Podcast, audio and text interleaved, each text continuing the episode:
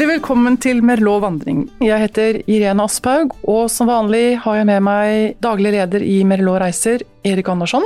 God dag. Hei, hei. Hei. Erik og Merlot Reiser har jo drevet med fotturer og sykkelturer i over 20 år, men denne podkasten handler om vandring. Og hvor skal vi i dag, Erik? I dag tar vi fram pilegrimsstaven og går den franske veien fra Pyreneene til Santiago de Compostela. Det heter den franske veien, eller Camino Frances, for dette, var hovedveien for pilegrimer fra Frankrike til Santiago Compostela. Start den lille franske byen Saint-Jean-Pied-de-Port, over Pyreneene til Roncevalles i Spania, og videre vestover, innover Spania. Sånn vi gjør det i dag, er at vi først skal snakke litt med deg, Eivind Luten, om hvordan det føles å gå på denne turen. Før vi går over til deg, Erik, for en mer praktisk gjennomgang. Men eh, Eivind, hvilket forhold har du til den franske veien? Jeg har et uh, utrolig um, Jeg vil ikke si det kanskje intens, men uh, jeg har hatt gleden av å jobbe faglig med denne veien i i hvert fall 30 år. Og den, den har på en måte ja, jeg har fylt livet mitt med, med, med, pilegrimssaken, og, og, denne veien som vi skal snakke om nå, det er jo hovedveien til Santiago. Så den har vært veldig spennende å jobbe med. Og, og jeg, har jo, jeg, har jo, både som fagmann og som pilegrim, så har jeg liksom holdt på med dette i 30 år. Det har vært utrolig spennende. Men bare for å få det litt sånn satt på plass, eh, Eivind. Hvordan var det dette begynte? Hva var det som gjorde at folk begynte å gå akkurat her? Ja. Og akkurat til ja. Santiago du Compostela. Hva er det som, er det som trekker? Ja, nå, nå, mener du altså det historiske? Histori ja. Nå må vi tilbake til middelalderen. Og eh, middelalderens eh, eh, turist, han var pilegrim.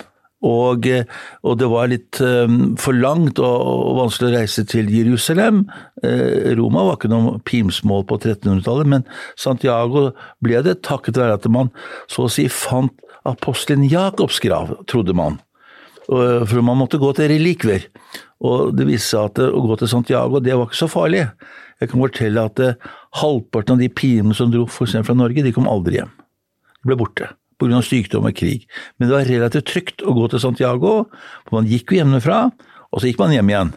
Så, så da hadde man også opp, oppsøkt ekstremt viktig eh, apostelgrav, eh, og, og, og, opplevde fantastiske møter her, og så gikk man hjem igjen. Ja. Så relikviene var en forutsetning for, for å gå på pilegrimsvandring. Hva er forskjellen på de som går i dag, og de som gikk den gangen? I dag så er, er pilegrimsvandringen et profant fenomen. Det vil si at, at det er folk går eh, fordi de vil ha en alternativ ferie. De vil oppleve natur, kultur. De vil ha en, en ferie som er helsemessig fordelaktig. De vil ha Altså, de leter etter de leter etter sanne historier, de leter etter ekthet, autentisitet, og, og, de vil ha en aktiv ferie. Og, og da faller dette inn, inn, under dette her, en slags form for grønn turisme. Så det, og dette vet vi, det er, dette er et profant, også et sekulært fenomen, men det er klart også, også folk med kristne motiver går der, men det er helt klart eh, ikke av det vanlige. Men jeg vil heller si at hele livet er på veien. Folk går der med alle slags motiver. Ehm, og så er det utrolig sosialt hyggelig også. Man reiser ned alene, og så etter en dag så treffer man kanskje et hyggelig menneske, og så etter en stund så har man en flokk. Man treffer venner. Så det sosiale er veldig, veldig viktig. Ja, ja og det, for det lurte jeg litt på om man bør, eller at man liksom bør være religiøs for å gå der, men da skjønner jeg at det er ikke Nei. noe forutsetning. Og at man trenger ikke gå aleine. Er det vanlig at man går aleine og mediterer ja, langs ja, ja. Eh? Man, ja, altså eh, Jeg, jeg syns det er supert å gå aleine. Mm. For da er det ingen som begrenser meg. Jeg får stoppe der jeg vil, jeg vil se det jeg vil. Dette er en kulturvei. Eh, og for kulturinteresserte, mennesker så er denne det er, det er Alibabas jul, altså. Det er, det er, så rik på, på, på bruer, på kirker, på klostre, sekulær arkitektur. Den er byr på så mye. Den er som et utendørsgalleri. Så, så det å gå alene synes Jeg, jeg foretrekker å gå alene. Alternativ gå som en god venn. Også hyggelig å gå i flokk for all del, men uh, nå har jeg gjort dette noen år, og veldig mange av oss som har gått, holdt på med dette her, som har vært ute på langvandringer, vi ender som regel med å gå aleine. For denne veien vi snakker om, den er da i Nord-Spania, fra eh, Pyreneene og fram til Santiago Compostela. Og denne, her passerer vi da noen litt større byer, og veldig mange mye mindre byer, og landsbyer og diverse. Eh, vinåkre og kornåkre og fjell og skog, og selvfølgelig noen steder som er litt mer interessante enn andre, og um, andre steder kan oppleves som litt transportetappe. Men sånn er det når man er ute på fem ukers vandring. Så, men um, hva syns du, eh, Eivind, med høydepunktet? Jeg, er ikke så glad i Jeg, jeg, jeg, jeg, jeg, syns hele veien er stor, altså. Det er um, Jeg, jeg syns det er et komplisert spørsmål. Jeg, fryder meg, jeg danser når jeg går den veien her og, og tenker at nå skal jeg snart ut igjen, jeg begynner å bli en gammel gubbe og jeg, kan ikke komme fort nok av gårde. Og dette har jeg holdt på med bestandig. Så er, veien er veldig mye hva du gjør den til. Og, og, igjen så sier jeg selvfølgelig så er det noen praktfulle katedraler der, det er noen nydelige klostre der. Det er uh, utrolig mange hyggelige barer. Vi går gjennom uh, vindistrikter, vi får um, godt innblikk i det spanske kjøkken. Det er så Det er noe for alle. Kunsten, musikken, festivaler. man går ut, og man skal ikke planlegge for mye, for det, det, det skjer noe hele tiden. Det, det er enorm dynamikk. Jeg har sett folk komme dit med kamelflokker. Jeg har sett det komme en kortesje med Morgan-biler. Jeg har truffet eh, gutter som går der med et esel, og så har en vogn, og på den så er det en vintønne, så alle får seg en slurk vin. Eh, når du nevner vin, for eksempel, så er det et par steder hvor pilene får gratis vin. Og så det er en sånn, en, en sånn kjærlighet, eller varme mot pilegrimene, som en raushet, som, som er litt uvanlig for oss nordmenn å oppleve. Det er en grunn til at jeg har vært forelsket i denne veien i 30 år, altså. Ja, og noen kaller jo denne for kjærlighetsveien. Eh, hva sier du til det, Eivind? ja, altså Camino del Amor også. Det er kanskje uheldig å snakke om det, men øh, det er påfallende eh, folk, folk treffer kjæresten sin på veien. Sin kone in spe. De treffer en dame, eh, eh, og de blir kjent med henne på en veldig naturlig måte. Dette er så viktig. Du går med denne kvinnen eller denne mannen i uke etter uke, og blir kjent på en helt annen måte. For du blir satt på test av, vet du. Det er slitsomt. Ehm, det er, eh, det er det, det kan være ganske ja, Det er ingen, ikke noe sted på kloden hvor man diskuterer blemmer med så stor intensitet som veien til Santiago. og, og, og, og, du lærer å ta vare på det neste. Så, så det, er en, det er også en kjærlighetsvei. Må ikke glemme én ting. Hva er det som karakteriserer veien til Santiago? Det er kamskjellet. Dette er kjærlighetssymbol for de som kan litt om kunsthistorie. Botticello ble født på, på et uh, kamskjell. Det er, uh, det er, det er ursymbolet for kjærlighet. Og mm, den veien her opplever jeg Nå, nå er jeg selvfølgelig subjektiv, men jeg er like glad i veien, selv om det kan være mye mennesker.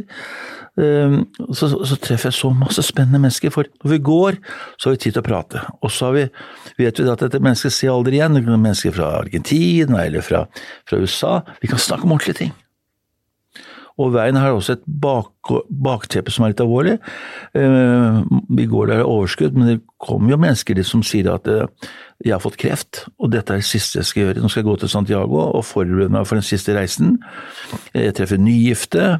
Jeg treffer eh, en del 40-åringer som er skilt, og nå er de i fritt fall, og hva skal de gjøre videre?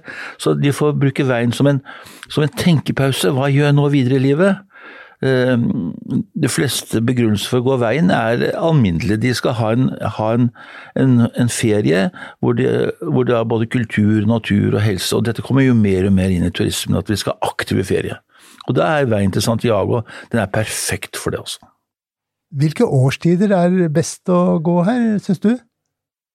Jeg, jeg, er ikke så glad i hard varme, så jeg sier til folk at uh, april-mai er helt supert. Altså. Til, ja, april-mai. Uh, tåler du varmen, så kan du gå der seinere, men april-mai, kanskje juni. Og så syns jeg september-oktober uh, er fin.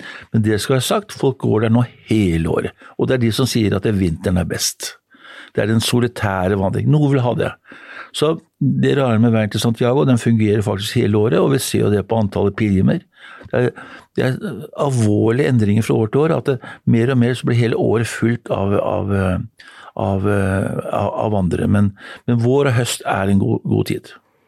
Men det virker som, som, om det er en litt annen stemning på den uh, fotturen her da, enn på en vanlig fottur uh, ellers, uh, fordi det er en eller annen spesiell dynamikk som ikke man har på en annen vanlig fottur, er det sånn? Ja, det er et eller annet som ja. er annerledes? Ja, altså, altså, Jeg gidder ikke gå i fjellet. Nei. Nei. Ikke et vondt ord om turistforening, det er helt supert, men, men, jeg vil ha en slags eh, det er kanskje en, det er kanskje en slags romantisk visjon, men, men, men, å gå denne veien så De sier det at Eller Goethe sa at Europa ble født på veien til Santiago. Altså det er, det, det er en vei som har noen føringer som ikke andre veier har. Det er selvfølgelig det religiøse bakteppet, men, men, det er jo Du møter det beste av europeisk kultur, og du møter det beste av medmennesker, og du møter mange rariteter. Mye humor. Um, veien er Ingen annen vei er så fullt av så mangfoldighet som veien til Santiago. Det står ikke på en, på en fjelltur. Uh, og, du møter mennesker som er så motivert. Du, møter mennesker som blir båret i bårer, rullestol, folk med ett bein. Også, uh, folk, folk vil ha et innhold i livet mer enn bare det gå og oppleve. Og det, De vil mer enn vekk fra den konsumtanken. De vil ha noe som er meningsfullt. De vil ha historier. Det er jo det vi lengter etter, historier. Og de historiene langs Caminoen, de er meningsfulle. Det som er Caminoen har skapt, det er et, er et nytt europakart. Jeg, jeg, leste også at det var noen spesielle ritualer man skal gå igjennom eller gjøre når man kommer til eh, katedralen? Ja, eh, det er jo et ritual, og det er, det er ikke rigorøst. Og det er jo kanskje, kanskje jeg kan ikke begrunne hvem som gjør det, ikke gjør det, men eh, i hvert fall førstegangspilegrimen, han, eh, han, eh, går opp bak alteret og klemmer apostelen Jakob, det står en statue her, klemmer han og sier takk for at jeg fikk komme til deg. Og så går han kanskje ned og ser skrinet med denne helgenes rester, rester av legemet. Han deltar på en fantastisk messe, og selv om du ikke er kristne, eller om du har, eh, ikke bryr deg om det religiøse, for en messe. Ehm, og så oppleve denne gløden, den gleden som alle disse menneskene har. For det, må man respektere, at folk går av forskjellige grunner. Og så svinger det også den såkalte butaformeirion, også verdens største røkelseskar. Det er stort, det. Uh, og det synger fram og tilbake, og så er det herlig musikk. Og så, og så, er det en slags avslutning på vandringen. Og så går man på byen og spiser supergod mat. Det er, dette er sjømatby nummer én. Og så kanskje så går noen da ut i Finestad på norsk verdensende. det er ytterligere fire-fem dager, og kanskje avslutter da symbolsk der ute ved at man f.eks. brenner sine gamle sko eller sine klær, og, det, og, det, og, så dukker man ned i sjøen. for det, det gamle mennesket går ned i havet, de har gjennomført en vandring, og, og så er det nye mennesker som stiger opp. Og så Det er et sånn sceneskifte, tideskifte, eh, for mange. Men nå skal vi over til deg, Erik, med en mer praktisk beskrivelse av turen. Har du gått den ruta? Jeg har ikke gått denne, men jeg har juksa litt, og kjørt og sett bil. Da er eh, jeg den eneste her som ikke har eh, gått turen, så da må du hjelpe meg litt å bli kjent med turen, og hva denne turen går ut på. Kan du fortelle meg litt om bakgrunnen for eh, pilegrimsvandringen? Ja, altså Navnet Camino Frances kommer av at det er langs denne veien de fleste franske pilegrimer har kommet. Men her kom det også pilegrimer fra hele Sentral- og Nord-Europa som nødvendigvis måtte gjennom Frankrike på veien til, til Spania. Før Pyreneene er det flere pilegrimsveier som går sammen, og så følger Camino Frances straks de er over i Spania. Dette er den mest populære pilegrimsveien til Santiago Compostela. Vi i Merlot Reise tilbød hele veien fra Repy midt i Frankrike til Santiago Compostela, Norges lengste pakketur. Hvis du tar eh, pilegrimsveien til Spania, så er det 35 etapper og 40 overnatting på hotell, bagasjetransport, kart og veibeskrivelse. Heldigvis slipper å ta hele strekningen på en gang. Vi har delt opp strekningen i fem deler, på seks til ti etapper hver. Du bestemmer selv hvilken dato du ønsker å starte, og hvilken av delene du ønsker å, ønsker å gå. Du kan sette sammen flere deler, gå en av gangen, komme tilbake neste år og ta en ny del. Vi tilbyr flere pinnehjulsvandring, men i dag skal vi bare snakke om Camino Frances. Det høres jo veldig spennende ut, da, men nå vil jeg vite litt hvordan det er å gå her. Hvordan eh, starter man, hvordan ser det ut eh, der man går? Ja, Først vil jeg si at når du skal gå på en vandringstur som er 780 km lang, og forklare den i en podkast, så eh, er det jo klart at det er noen detaljer om småsteder og sånt som ikke alltid kommer med. Vi kan fortelle deg litt om høydepunkter, og litt om det som venter deg langs Caminion. Her er skog og fjell, oppover og nedover, øde landskaper, landsbyer og litt større byer. Men en pilegrimsvandring består ofte av en ytre og en indre reise.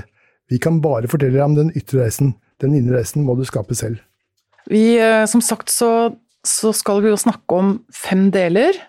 Og hvis vi da, Erik, kan gå og starte på del én, kan du ta oss gjennom den? Første delen er da med start i Saint-Jean-Pied-de-Port i Frankrike, som er den siste stopp før den spanske grensen og Pyreneene. Og den delen går da helt til Le Grogno og er på syv etapper. Og dette er en skikkelig pilegrimsby, med middelalderen hengende tungt i gatene. Herfra går det bare oppover mot Pyreneene, til den spanske grensa og landsbyen Roncevales. Oppover, oppover med vakre blomsterenger og små gårdsbruk som skaper en idyllisk ramme. Og så må du ikke glemme det viktigste ting når man går i oppoverbakker.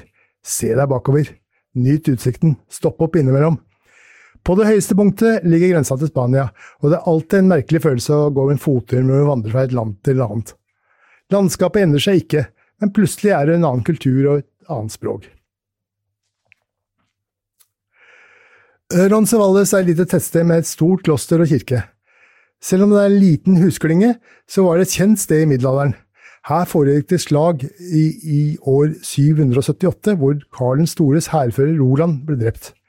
Roland kjempet tappert, og i middelalderen ble det skrevet mange heltedikt om han, som også spredde seg til Norge etter hvert.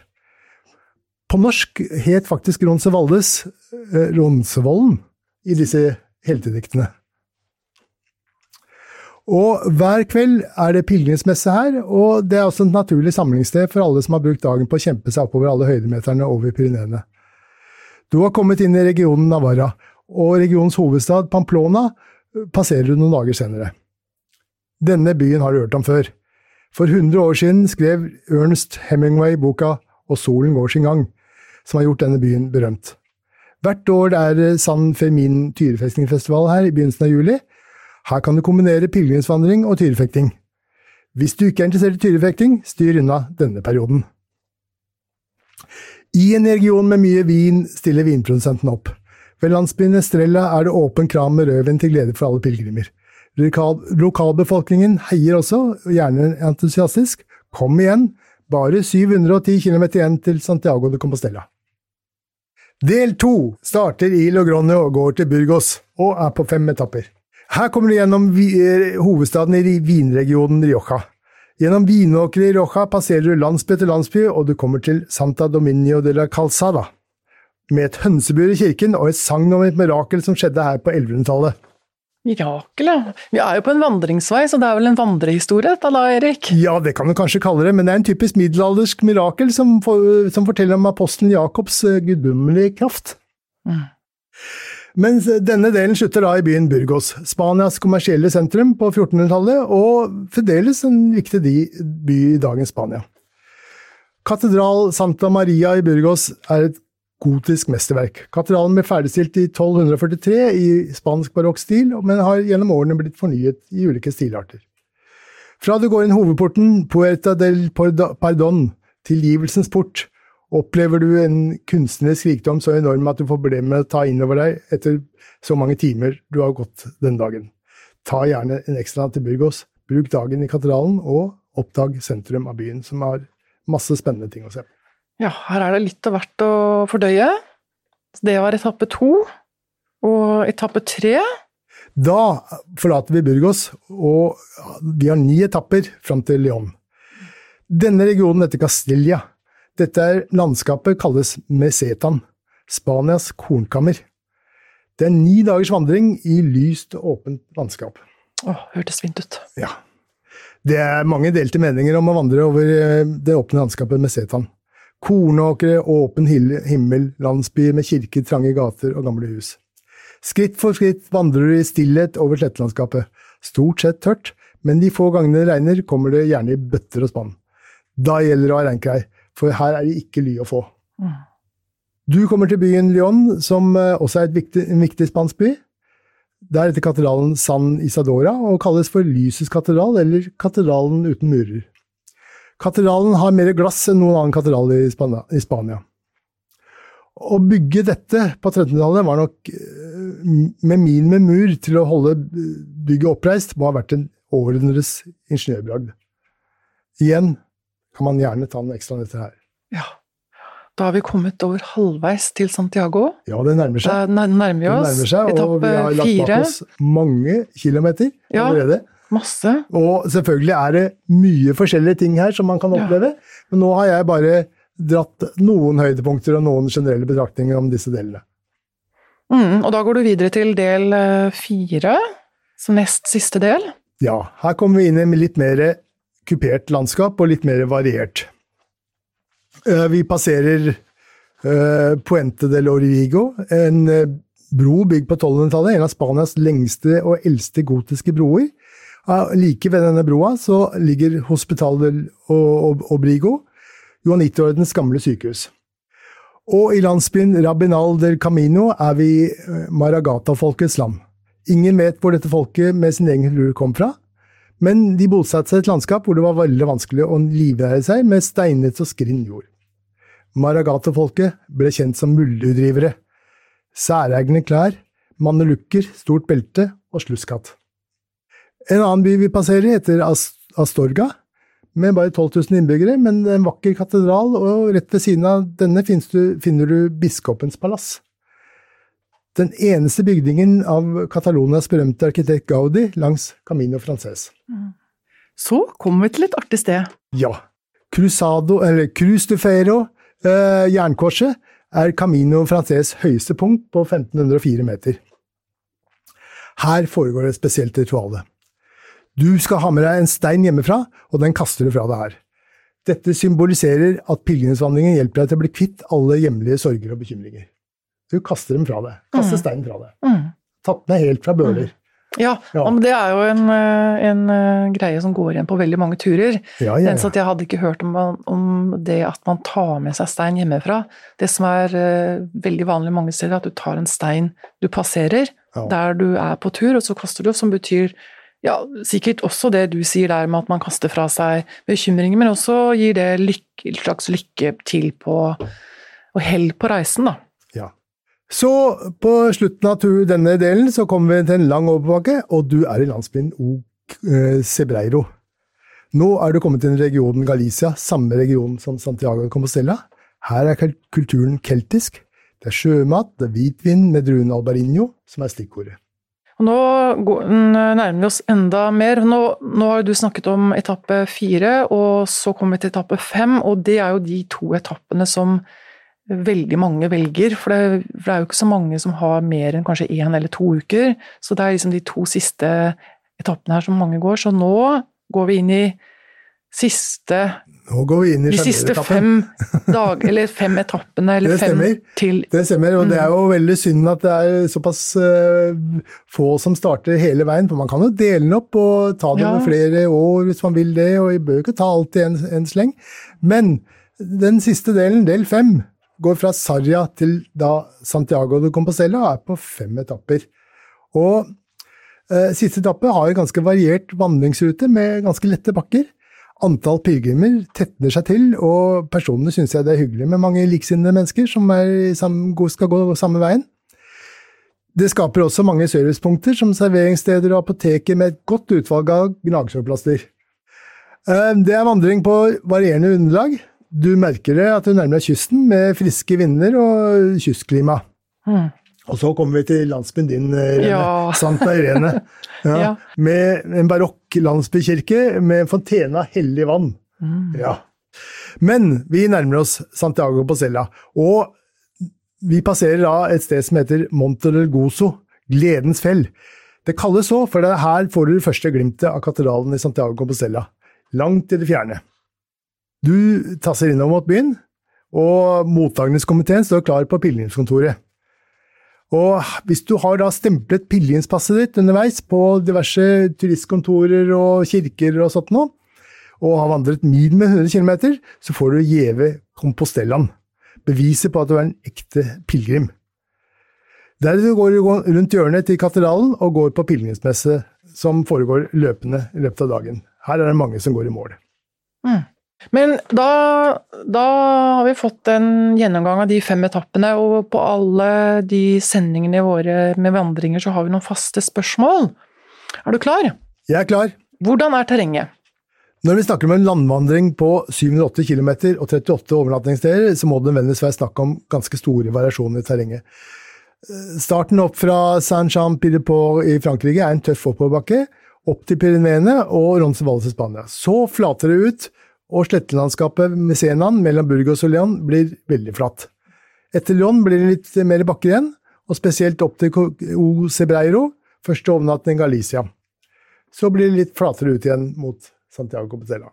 Men stort sett ganske lett å gå. Ja. Hvordan finner jeg veien? Her finnes det gule piler som leder deg veien. I tillegg kan man selv, selvsagt også bruke kart og GPS-spor.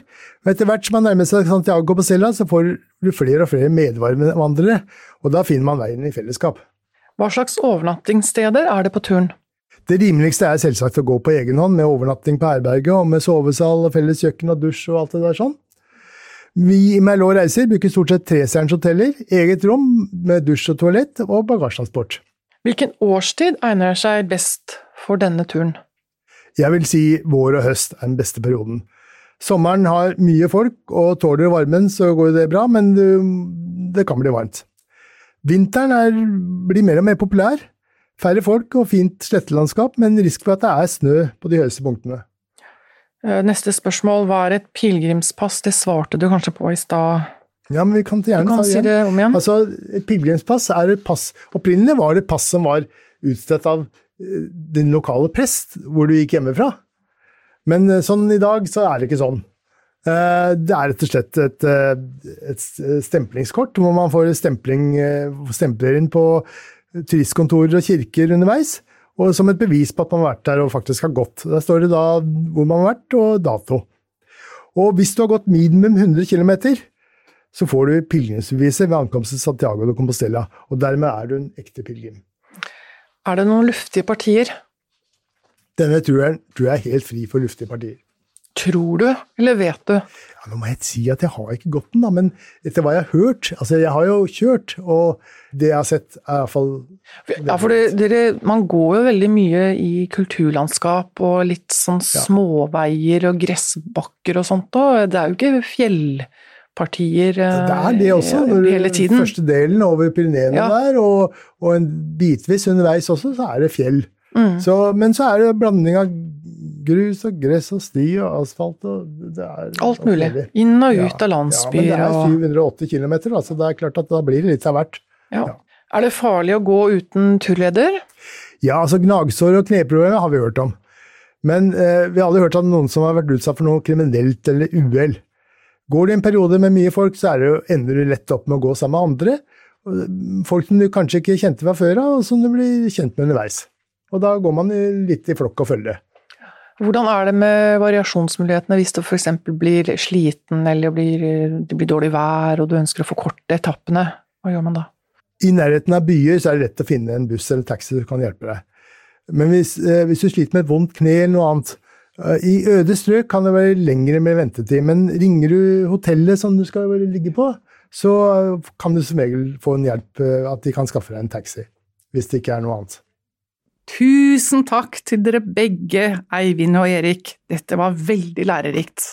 Bare hyggelig. Mm. Buen camino, pleier jeg å si. Grazie God vandring. mille. Nei, det var italiensk. Ja, det går fint. Vi snakker på tvers av grenser og land. Ja. Takk skal du ha. Mille merci. Ja, Ja, ja. det var veldig hyggelig at du kom. Veldig Ja, hyggelig. ja. Og vi i Merlot Reiser vi tilbyr hele veien fra Le Puy midt i Sør-Frankrike og hele veien til Santiago de Compostela, Norges lengste pakketur. Hvis du tar hele ruta fra Saint-Jean-Pied-de-Port så er det 38 overnattinger på hotell med bagasjetransport kart og værbeskrivelse. Heldigvis slipper du ta hele strekningen på en gang. Vi har delt den opp i fem deler på syv til elleve dager hver.